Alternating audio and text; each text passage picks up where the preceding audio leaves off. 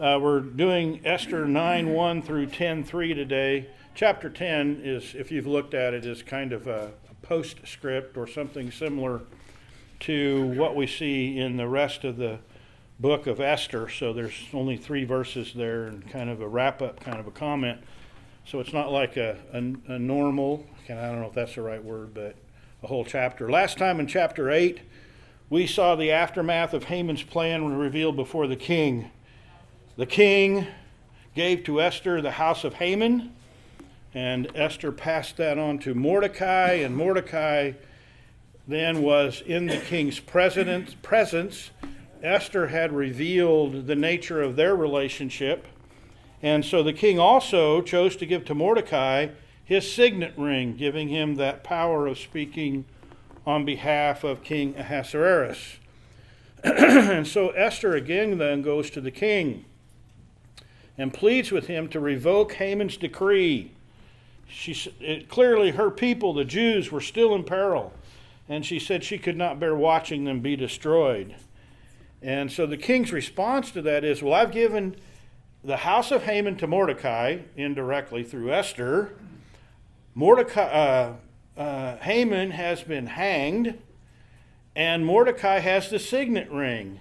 And with that, then he says, Write what you see fit and seal it with the ring, and that will make it non revocable uh, in the land because anything that is done with the authority of the king and written into law was non revocable, which then gave us the problem that Esther was facing was this writ or this decree by Haman that on uh, in the 12th month, the 13th day, that uh, 14th day, that you would they would be able the, the people would be able to kill all the Jews and plunder them. And so Mordecai wrote and decreed on behalf of the king that the Jews had the freedom to assemble, they had the freedom to defend, themselves and to plunder and to take the lives of those that attack them man, woman, and child. And so that was to happen on the same day, the 13th day of the 12th month. Got it wrong a minute ago. And they sent that decree out, Mordecai present, was then presented to the people in blue and white robes, the official colors of the royalty for the Persians and also wore purple garments and had a crown of gold on his head. And when he was presented to the people, all of Susa rejoiced. The Jews had lightness, gladness, joy, and honor. And many people quote at the end of the chapter, became Jews, or at least supported the Jews or pretended to be Jews. You could talk for a while about the various ways that might be, might be looked at and translated because the dread of the Jews fell on them. They recognized what was going on in the power structures. The king had aligned himself with the Jewish cause. Uh, the queen was Jewish, the number two man in the nation was Jewish, and the decree had gone out the Jews could defend themselves, and so they could see the direction that was going. And so all of that brings us to chapter 9. And to begin with, let's read Esther 9 1 through 19. Esther 9, 1 through 19. Can I get a. Now, in the twelfth month, that is the month of Adar, the thirteenth day, the time came for the king's command and his decree to be executed, on the day that the enemies of the Jews had hoped to overpower them. The opposite occurred in that the Jews themselves overpowered those who hated them. The Jews gathered together in their cities throughout all the provinces. King Ahasuerus, something or another, Yeah. to lay hands on those who sought their harm. And no one could withstand them, because fear of them fell upon the people. And all of the officials and the provinces, satraps and the governors, and all those doing the king's work, work helped the Jews because the fear of Mordecai fell upon them. For Mordecai was great in the king's palace, and his fame spread throughout all the provinces. For this man Mordecai became increasingly prominent. Thus the Jews defended all their enemies with the stroke of the sword, with slaughter and destruction, and did what they pleased with those who hated them. And in Shushan, the citadel, the Jews killed and destroyed 500 men. Also, Yeah, we're going to give you a pass on those names, okay? That's. There are 10 of them. Uh, the ten sons of Haman and the son of Amminadab, the enemy of the Jews, they killed, but they did not lay hands on the plunder. On the day of the number of those who were killed in Shushan, the citadel was brought to the king. And the king said to Queen Esther, The Jews have killed and destroyed five hundred men in Shushan and citadel, and the ten sons of Haman. What have they done in the rest of the king's provinces? Now, what is your petition? It shall be granted to you, or what is your uh, furthest request? It shall be done. Then Esther said, If it pleases this king, let it be granted to the Jews who are in Shushan to do again tomorrow according to according to today- today's decree, and that Haman, the tenth son, be hanged on the gallows. Okay? We're going to go to 19. Oh, I'm sorry. And you can keep going or we can pick somebody else up.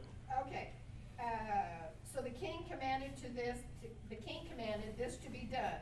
The decree was issued to Shushan, and they hung Haman's ten sons. And the Jews who were in Shushan gathered together again on the fourteenth day of the month of Adar, and killed three hundred men at Shushan. But they did not lay a hand on the plunder. The remainder of the Jews in the king's province gathered together and protected their lives, that protected the lives, had rest from their enemies, killed seventy-five thousand of their enemies, but they did not lay hand on, on the plunder. This was the thirteenth day of the month of Adar, and on the fourteenth day of the, of the month, the rest of, they rested and made it a day of fast- fasting and gladness. But the Jews were at Shushan assembled together on the thirteenth day, as well as on the fourteenth day. And on the fifteenth day of the month, they rested, and made it a day of fasting and gladness. Therefore, the Jews of the villages who dwelt in the unwalled, unwalled towns celebrated the fourteenth day of the month of Adar as a day of gladness and fasting as holiday and sending presents to one another. All right. So, thank you. That was a long passage. And we had those 10 sons of Haman's names in there. Uh, so, as we look at chapter 9, what we see is there's a day when two decrees become valid at the same time, right? Um, because Haman's original decree was still out there. So, people could legally go kill Jews and take their stuff. But we also have the second decree that says the Jews can gather together and they can defend themselves. And as they defend themselves, anyone that attacks them, they can take their battle back to them, man, woman, and child, and take their enemies out of existence. So the reverse happened of what Haman's plan was. The Jews, in verse 2, used their right to assemble, not just as, so they were no longer just individuals or even individual families, but to some extent they were together defending themselves as a unit that made them much more forceful. And they had a purpose to put down those planning harm to them. And the scriptures tell us no one was able to resist them because everybody was in dread of them and in dread of Mordecai, because Mordecai had become a powerful man. And so you might think, as I often thought in the stories as a listening to this be taught to me as a child, that the uh, people of the empire pretty much just laid back and left them alone because they saw how powerful they were. Well, that's really not quite the way it went, because indeed there were attacks against them.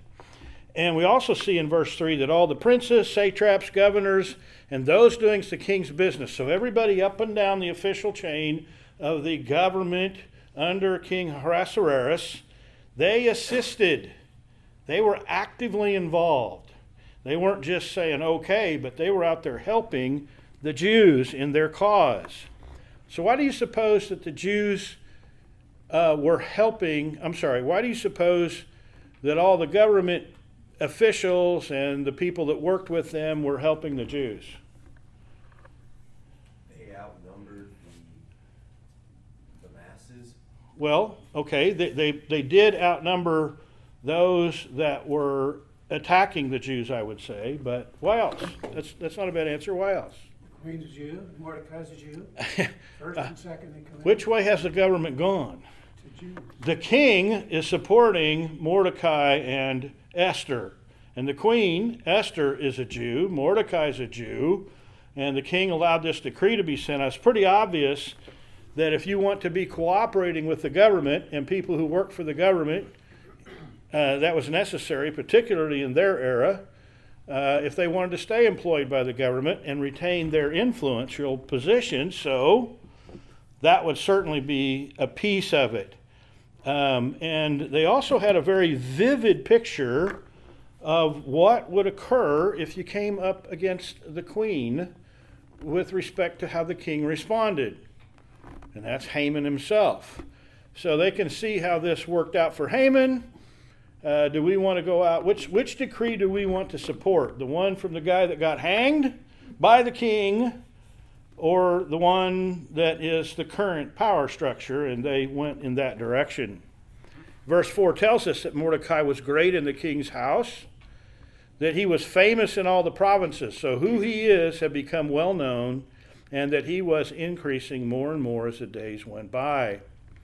So, in verse 5, we see that the Jews struck all their enemies, and they were killing and destroying those that would come against them, that hated them. And they did what they pleased to them. So, why were the Jews so successful, do you think? Lord was with them. The Lord was with them. I think that has to top the list. What started the whole response to Haman's plan? He was an Agite. Well, he was an Agite, but the response came out of fasting, implied prayer. The Jews in Susha joined with Esther in this time of we're going to fast, and prayer is implied in that strongly before I go before the king. So this was all uh, birthed in that effort in that time, but we can also go back to history. And I don't know if we need to go read it again, but in Genesis 12, 1 through 3, we see God's initial call to Abraham, which included not only going, I'm going to take you to a land I'll show you, but I will bless those that bless you, and I will curse those that curse you, and you're going to be a father of many nations. And so here are the offsprings of Abraham definitely being cursed, beyond just cursed with words, but being cursed with intended destruction. And I think God is very clearly responding to this through the efforts and the prayers and the fasting uh, led by Esther and Mordecai. And so we see some results in verse 6 in the citadel at Susa. And we heard, what version were you reading from, Claire Marie? Uh, that is the, uh, New King James. New King James? You know, they're giving us a different, um, they didn't call it Susa, I don't remember the name, it's Shisham? And what's that? It's just Satan. Shishan. That's just another. I mean, we got multiple languages going on here. We've got Jewish, we've got English, we've got um, uh, the Persian language, and you know, we've, we got all those things going on here.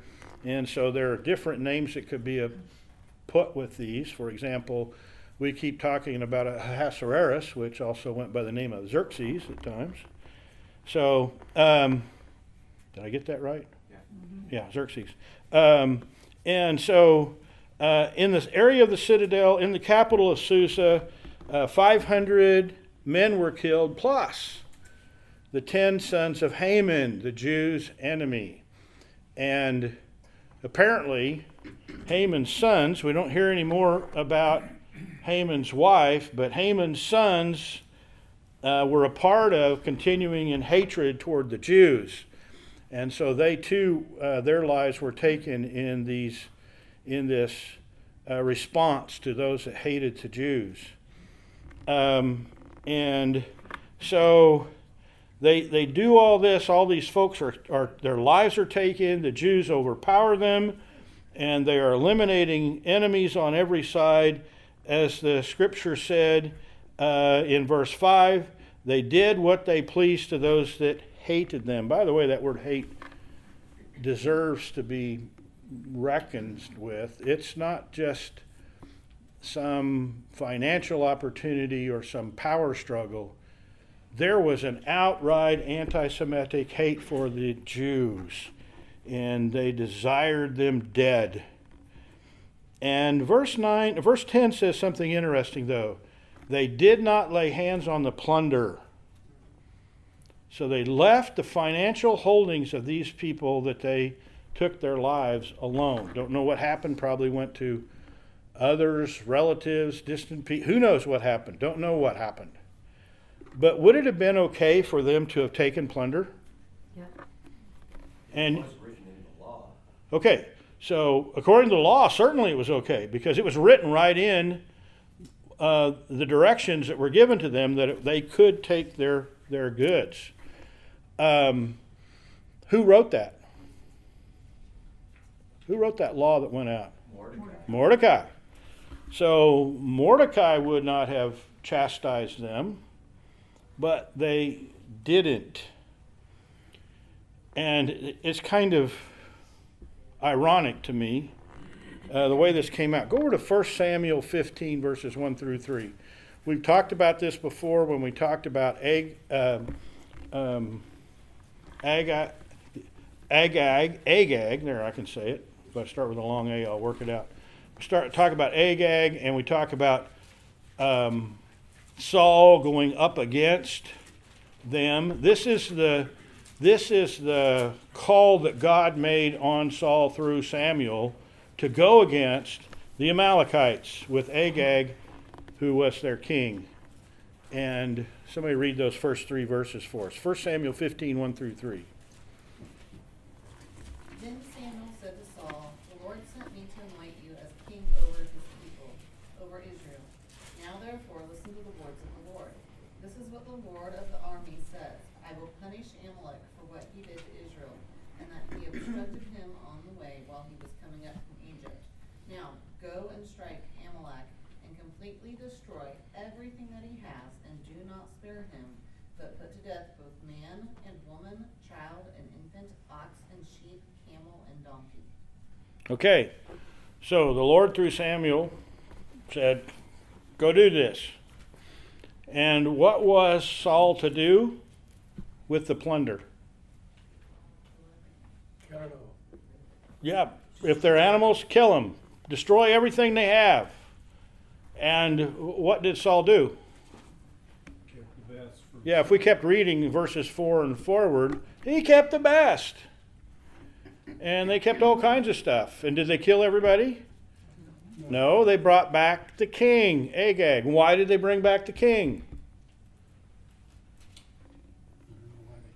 Well, that was a traditional thing that uh, happened a lot in battles and wars of that time. If you could capture the king, you kind of brought him back as a, uh, on display. Uh, look at look at me. We overpowered him. There's the king right there. He used to be really powerful. Now he sits under my table and eats scraps, and a lot of times they'd poke their eyes out. Apparently, they didn't do that with Agag. And that wasn't necessarily a Jewish practice. That's just the way things happened in in the in the battles of the world at that time. And so Samuel has to go and correct him, right? What are you doing? Of course, Saul has his good excuses. Well, we were going to offer him as sacrifices. Oh, so you're going to be disobedient so you can make a sacrifice? That's not going to work for you there, Saul. And also, then he's the one that puts King Agag to death. But so it's interesting to me, just interesting, uh, that here Saul was told, take no plunder. And he took a massive plunder. And the Israelites, the Jews in the, the account of Esther are, by the way, you can plunder their goods if you like. And they don't take any, even though they would have been allowed to do so. And so you see that contrast, it's just interesting. So, why do you suppose they did not take the plunder of their enemies?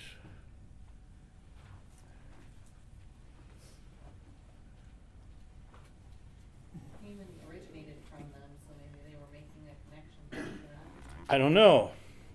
I mean, I don't know for sure. Um, But let's go back to the Haman question for a moment. What was Haman's motive expressed in taking the lives of these Jews? Remember? He's gonna take their goods and give them to the king. Yeah, that was part of the sales pitch to the king. That was part of the motivation, king, or part of how he included the king in the motivation. Hey, king, we can fill your coffers back up that are so empty because of your failed wars. And of course, Haman, we know in the background, had his own motives. His main motive was he just wanted those Jews dead. He was mad at Mordecai for not bowing down to him. So um, I, I think anything we say is going to be somewhat speculative here, but I can see where the Jews might have shunned at taking plunder because they want it clear. I'm not saying they did, but I can see where this might have been their motivation to make it clear we're not after stuff here. These people wanted to kill us, and we're not going to put up with it. We're going to defend ourselves. And with God's good grace and help, they did a great job of defending themselves.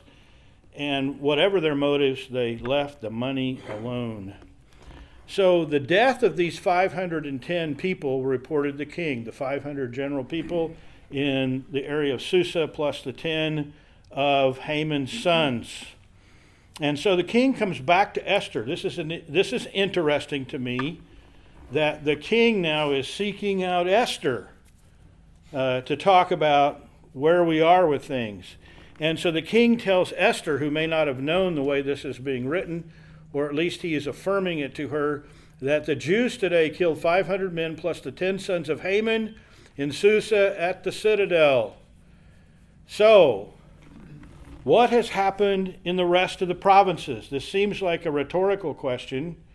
Uh, not expecting Esther to answer, there's no response from Esther with regard to that question, but he's saying, Wow, I wonder what happened everywhere else, would be the way I think it would be in our own vernacular. But he comes to her after he reports and says, Now, so here we are. What is your request? It shall be granted. What additional things do you want? We're going to do it. And so he's seeking her out, saying, Okay, this is where we are. Where do you want to go from here? We're indeed going to do that. And so Esther replies to the king If it pleases the king, let the Jews in Susa continue in the same way tomorrow on the 14th, because in the 13th of the month of Adar, they had this initial day to do this.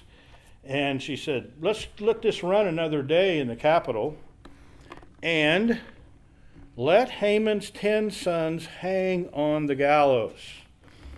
And this is just a reminder to us are these 10 sons already dead?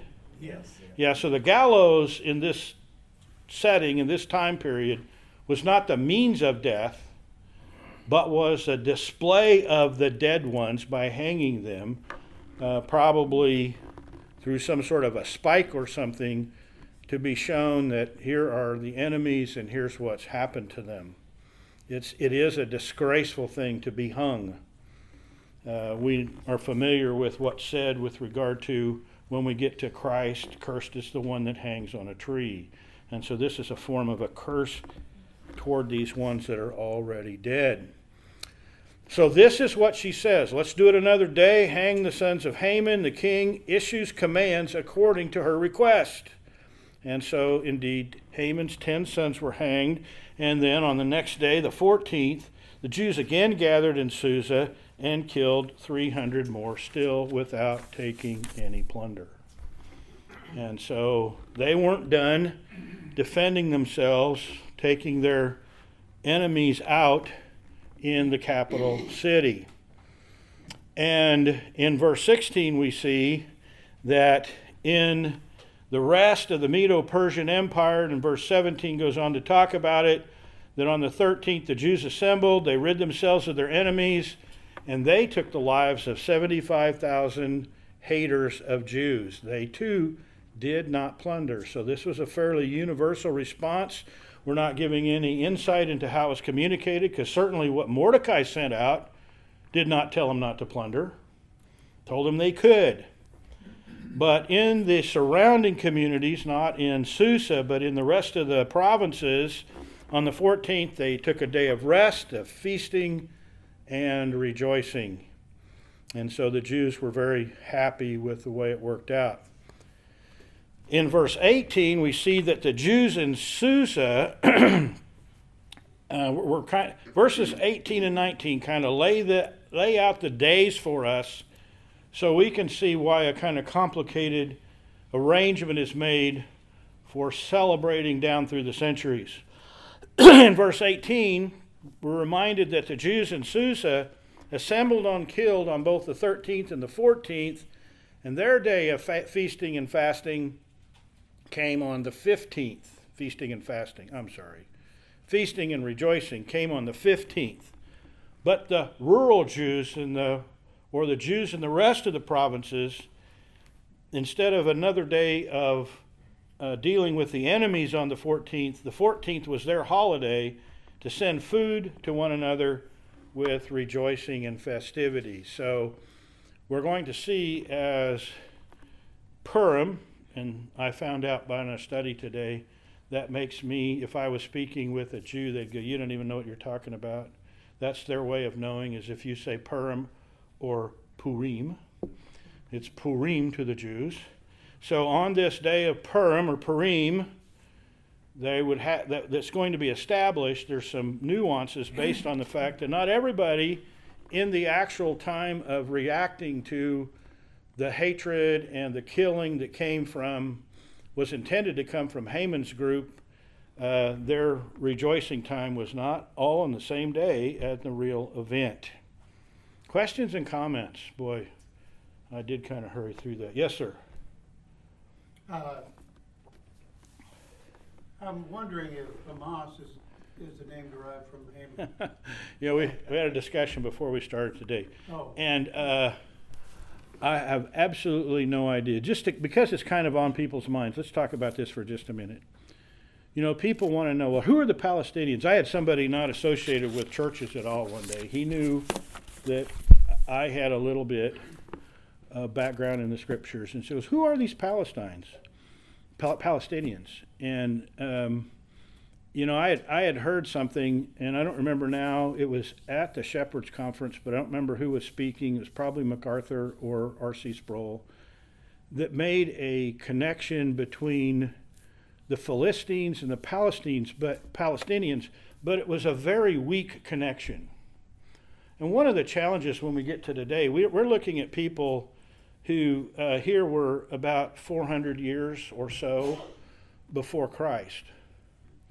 And you think about people groups and what goes on, and it's really, really tough today to say which one are, are you an Amalekite? Are you a Philistine? Are you an Edomite? Who are you to people who are not Jews? Because they were wanderers. They wandered around. They took wives from each other's tribes. Uh, you've got all this kind of thing going on that means that today it just would be very, very difficult to start saying, well, this is the very same people group that we're talk, reading about over here. And so it's, it's somewhat convoluted. Now, Jews pretty much know who Jews are. But even that is very fuzzy in the sense that even just looking at Christ himself, in his bloodline, you see Ruth, who was a Moabite, and you see uh, Rahab the harlot got involved. And so,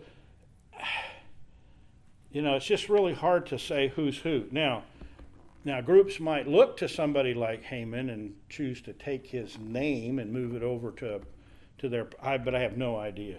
I just, so there might be some people, there are many people that know lots and lots more about that and can give you a lot more information than I can. But the thing I know is when you really get it boiled down, if you want to think about it in terms of bloodlines, by the time we get to today, it's rather convoluted. I think, I think there has been more effort on the part of the Jews to not to keep what's clear who's Jewish over the years, but even that's probably pretty hard to deal with. To answer your question at all?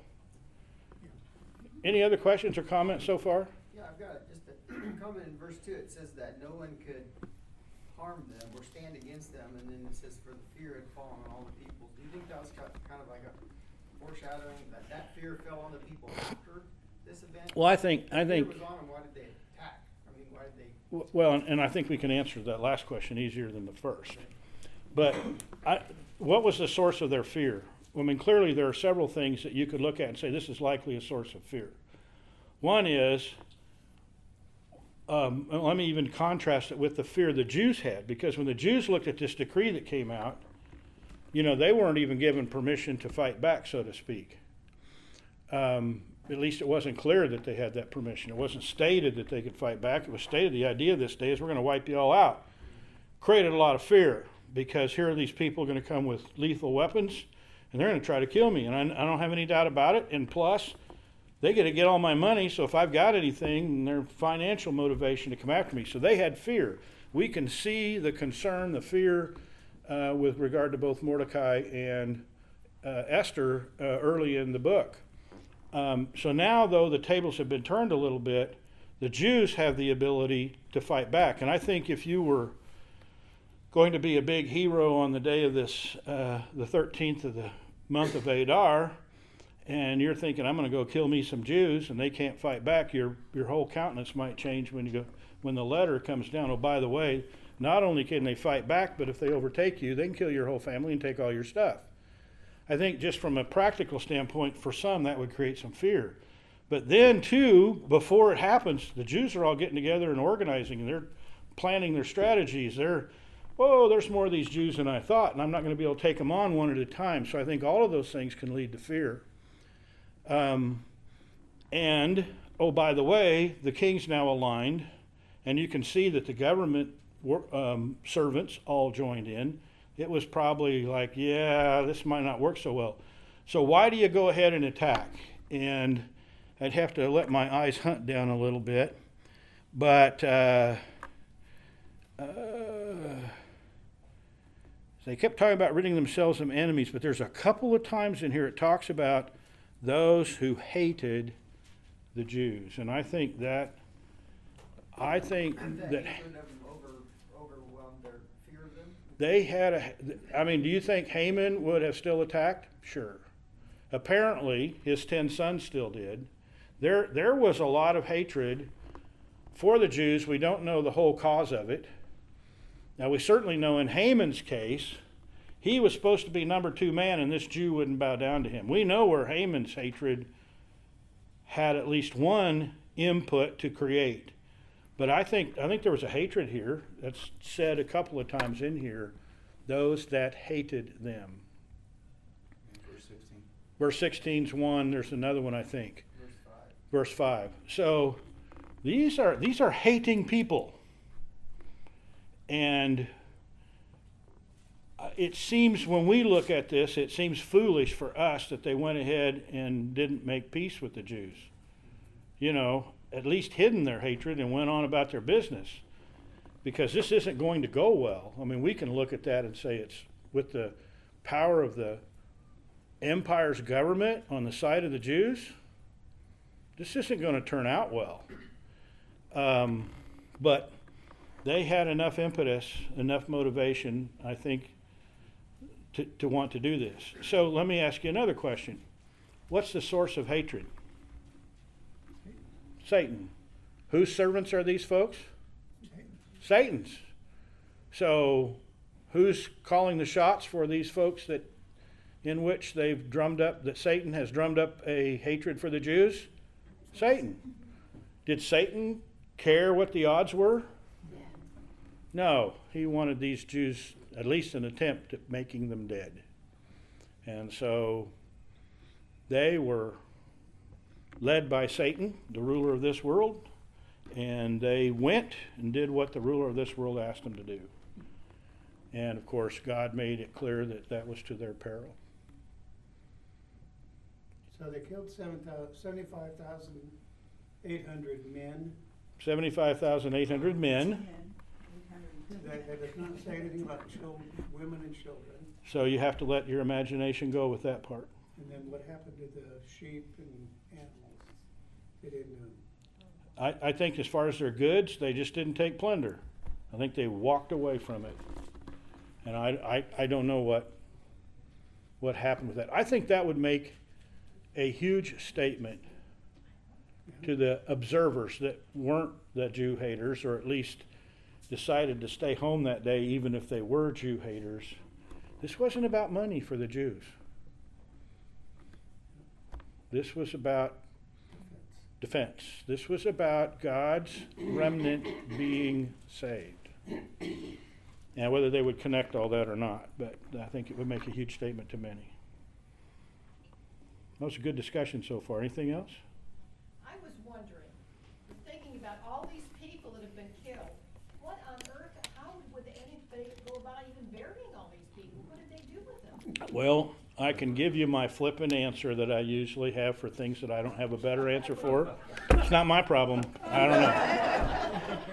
Now, that's a very flippant answer, but obvi- obviously I don't have any idea. Now, you got to keep in mind, though, if, if we had 75,000 die in the U.S., that would be a big deal, obviously, obviously.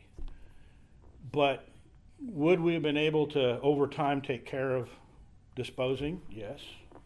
I mean, I think, I think we would, particularly if it was spread all over the country.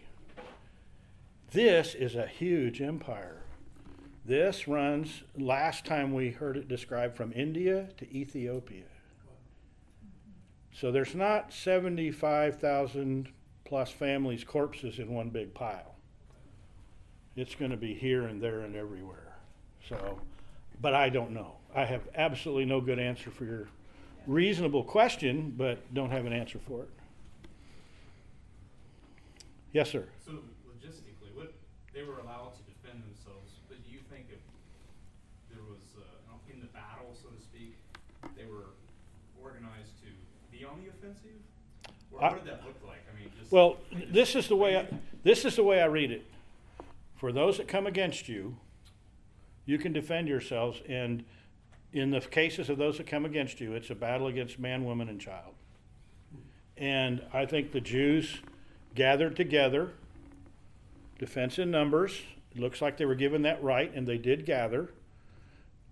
Probably in their gathering had some sort of a strategy, and so they went against those that came against them. Were there people that the dread of the Jews kept them home and were probably spared as a result? I would say absolutely. I, I would be surprised, although the power of Satan can be pretty strong at times. But uh, clearly, the whole country didn't rise up against them, it was limited numbers. So I would say that in limited numbers, there were probably some that, if the second letter hadn't come out, they'd have been getting involved. But the second letter came out and a decree from the king, and they didn't get involved. And but I, I would say the Jews were very methodical, but I think their response was limited to those that attacked them. that was the key on knowing who were Jew haters and who weren't. Anything else? I didn't notice any mention of any Jewish casualties. There isn't, and consistent, I think, with the way God dealt with things. I'm, I'm guessing there probably weren't Jewish casualties, but I mean, their absence in being mentioned does it mean there couldn't have been some? I don't know how to answer that, but I, I think what we see here is not a typical war of human wills, but is a war of a satanic struggle to wipe out the Jewish remnant, to get rid of the children of promise who have a direct link to Christ Himself. And so I think we have God and Satan, both the big players, to move the people in the battle. It would surprise me a bit if we had somebody here that had all the knowledge and records to say, no, we didn't have any Jewish casualties except for the guy that smashed his thumb opening the door. I mean, I just I wouldn't be surprised. Maybe not even that. I'm I wouldn't be surprised if there were no casualties. And I, can I say that? I don't know, but because it's not said here, but they aren't mentioned, and I think that's huge. Any other questions, comments? Really good. Appreciate that. Well, that'll move me a little more quickly through the establishment of the holiday here that we see in verses 20 through 29. Who can read those verses for us?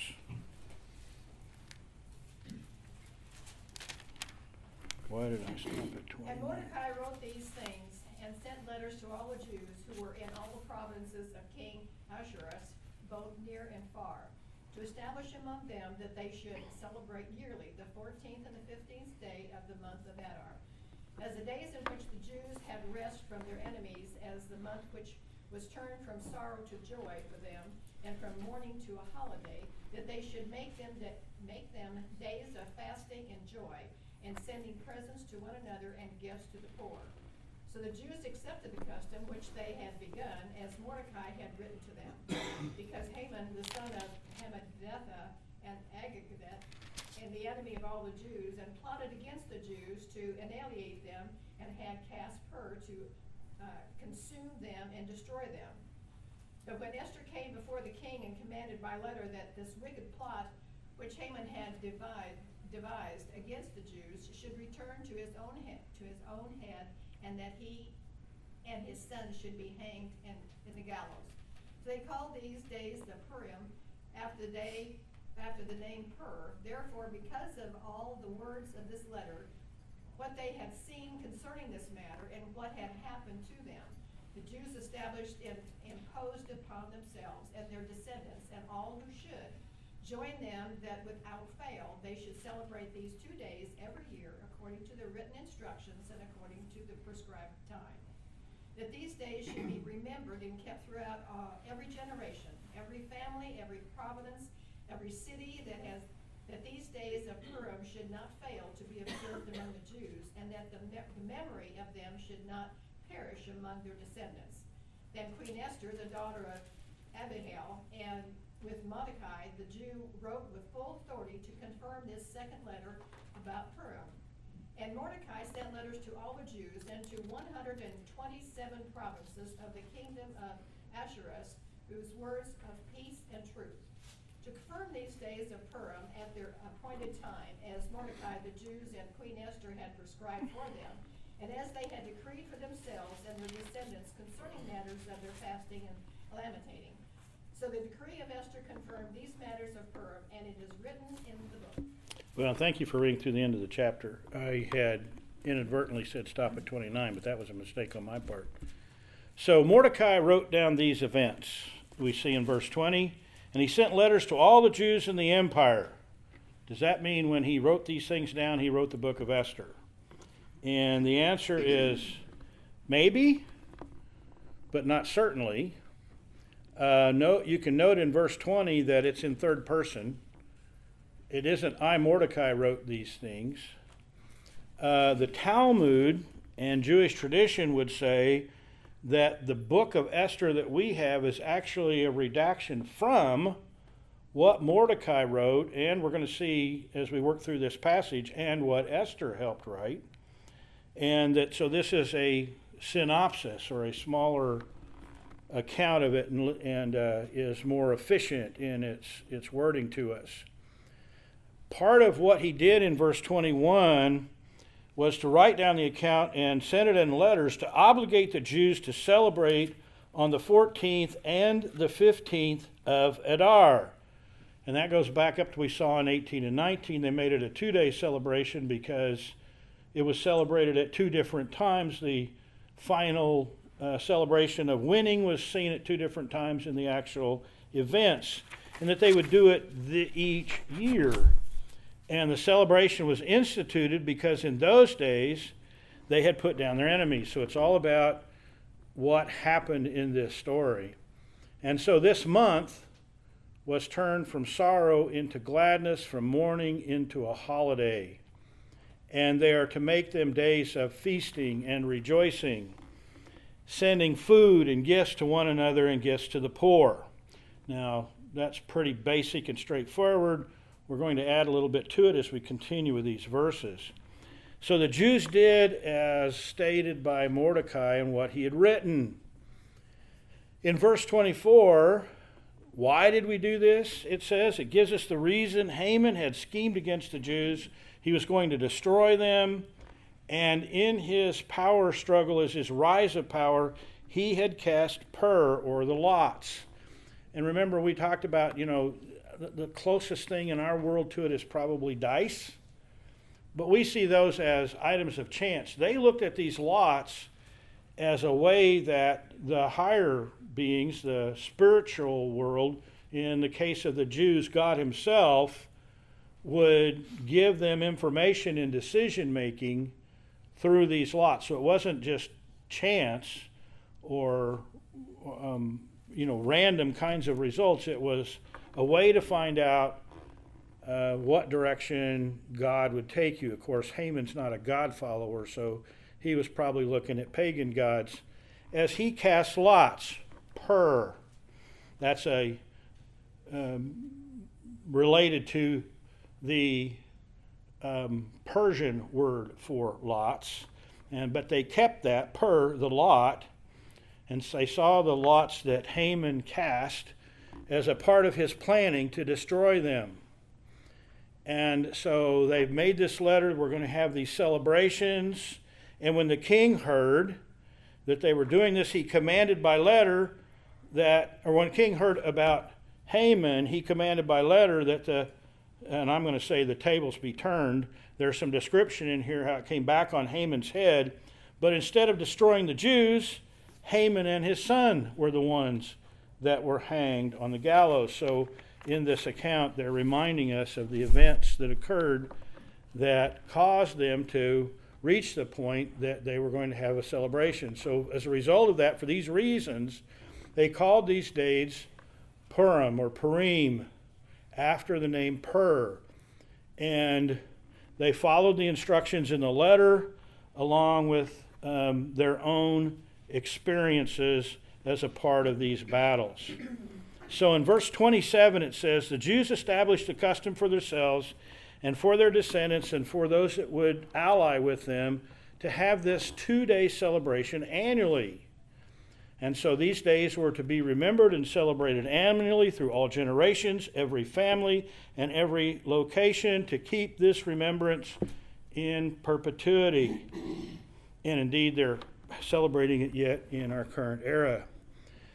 Uh, Queen Esther, then, with Mordecai in verse 29, wrote with full authority to confirm this second letter of Purim. And the second letter is the one we're going to talk about now, with the full authority of the king.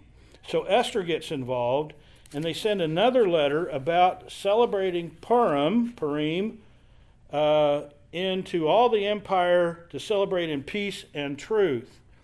And this letter, an additional part of it that became traditional, maybe not as much legally seen, but traditionally is still done, to establish, well, the days of Purim it established their times, and also to add instructions for a time of fasting and lamentations.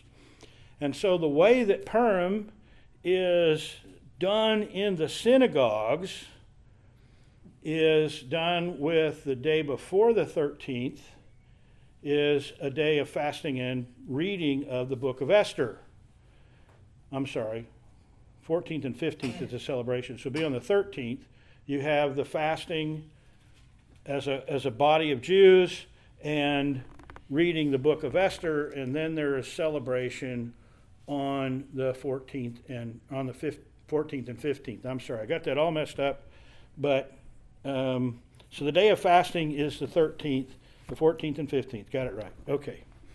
Now, it says there in verse 32 that it was established at the command of Esther. So she's exercising some of her queenly authority here and it was written in the book. Okay, what book? We don't know for sure. It could very well have been the book of the official decrees and things that went on in Persia. Um, it could have been um, in, in some other way of recording those kinds of things. Uh, certainly, we ultimately wind up with the book of Esther, uh, but this second letter added the fasting and lamentations. But it's an official record, not, not the book that we see as Esther. And so Purim becomes a feast of lots. By the way, this is the only feast that has been added for the Jews that didn't come out of Moses. Hmm. It was the first and last additional official celebration that wasn't as a result of the time with Moses. In 2024, and this corrected something in my head, I kept thinking first month, 12th month, I can't help it, I'm January to December. But in 2024, this celebration in the 12th month of uh, Adar occurs on, they have their day of fasting on March 22nd. This is coming up, not this year, but next year. And on March 23rd and 24th will be the feast and the giving of food items. It's interesting what it's turned into a little bit. It's not really changed, but has some more specifics. Uh, one of the things is they do some gift exchange and they do some donations to the poor. The minimum on giving is you have to give at least two kinds of food to one person. And on donations to the poor, you have to give to at least two different people uh, a donation to consider having completed what's expected. Now, you might do far more than that. There's a traditional food for Purim or Purim. It's a three cornered pastry called Haman Tashkin. And that can be interpreted a couple of different ways depending upon things. But one is that these are Haman's pockets, and they're kind of a sugar cookie with three three points on it. Another one that kind of fits more in with the motif is they're Haman's ears. Uh, I don't know what was intended, but that's the name for them that has come out over time. The Jewish calendar, as I mentioned, is not like ours. It's on a moon system. They have 12 months.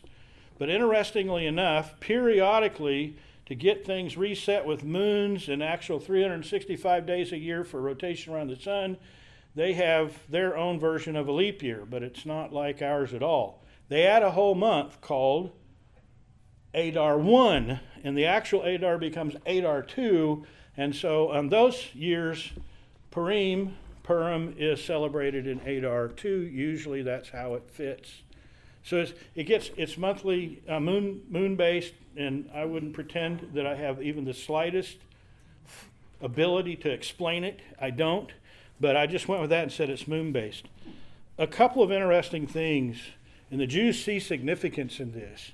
The protection that you see from Esther, they believe they have seen in modern times. There's two examples that they often go to in our current time. And one of those is in the 1950s, Joseph Stalin was preparing what the Jews would call bloody plans for the Jewish problem.